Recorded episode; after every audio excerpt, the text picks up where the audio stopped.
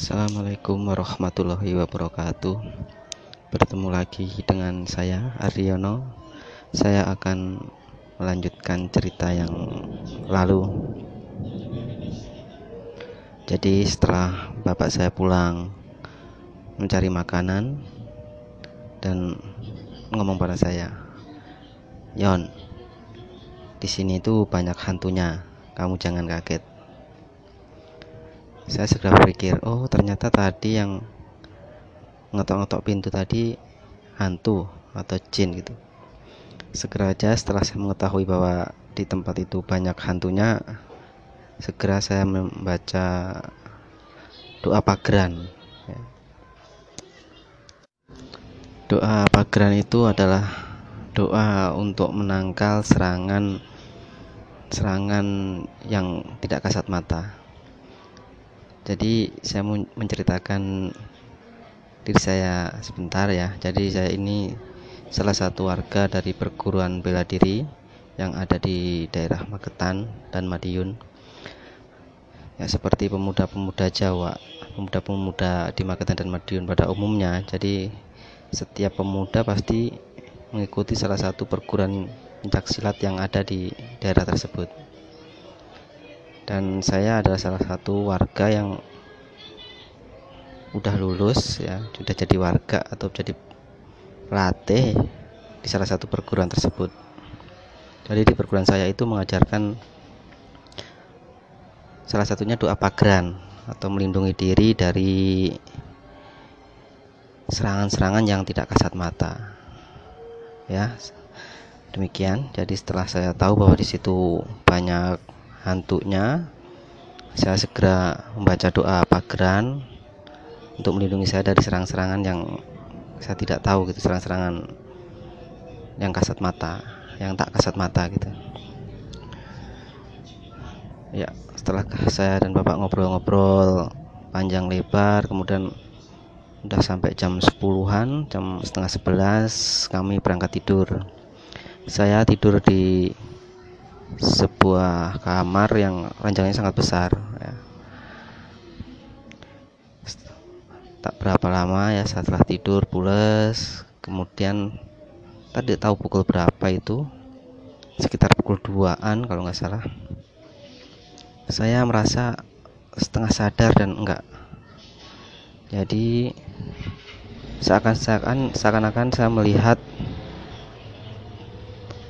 penampakan dari atas plafon itu seperti orang yang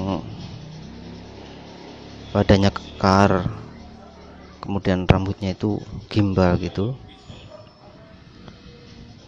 sedang menjulurkan tangannya mengarah ke leher saya untuk mencekik. Jadi dia muncul dari plafon dan tangannya menjulur ke bawah mengarah ke leher siap untuk mencekik saya. Dia turun pelan gitu dari atas plafon itu melayang turun ke bawah. Dan setelah jaraknya dari saya itu sekitar satu pukulan jarak satu pukulan itu jarak ketik saat ketika saya mukul tuh kena gitu. Segera saya baca doa pukulan. Dan setelah jaraknya itu jaraknya itu satu pukulan yaitu ketika tangan saya udah nyampe memukul memukul wajahnya segera aja. Tangan kanan saya secepat kilat ya dengan cepat gitu ya. Segera ke arah saya pukulkan ke arah wajah si makhluk itu. Dan sebersamaan dengan pukulan tangan saya ini mengarah ke wajahnya saya terbangun 100% sadar. Dan bersamaan dengan itu saya dengar dari plafon itu ada suara seperti orang berlari menjauh. Jadi ada suara dok dok dok dok dok dok itu lari menjauh setelah saya amati sekeliling dan nggak terjadi apa-apa hanya itu ya hanya suara lari menjauh kemudian lenyap suara itu. Ya udah saya lihat keliling-keliling lihat sekitarnya nggak jadi apa saya tidur lagi. Ya jadi kejadian malam itu hanya seperti itu.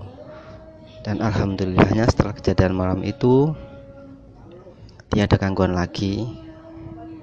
Ya ada gangguan lagi di rumah itu. Saya masih tinggal sekitar tiga hari tiga malam kalau nggak salah di situ. Kemudian setelah saya tinggal di situ tuh nggak ada gangguan sama sekali. Setelah tiga hari saya sama bapak pulang ke Magetan. Ya demikianlah cerita saya saat di Surabaya. Semoga dapat diambil manfaatnya dan pesan buat para generasi muda mempersiapkan diri di awal itu lebih baik ya. Jadi kita nggak tahu apa yang akan menghadang kita pada ke depannya. Makanya mempersiapkan diri berlatih di salah satu perguruan bela diri persilatan itu penting silahkan ya. Yang kalau ada di sekitarnya perguruan bela diri apa silahkan ikut untuk menggembleng batin dan jasmaninya agar siap menghadapi kemungkinan-kemungkinan yang nggak kita tahu depannya. Ya demikian aja. Wassalamualaikum warahmatullahi wabarakatuh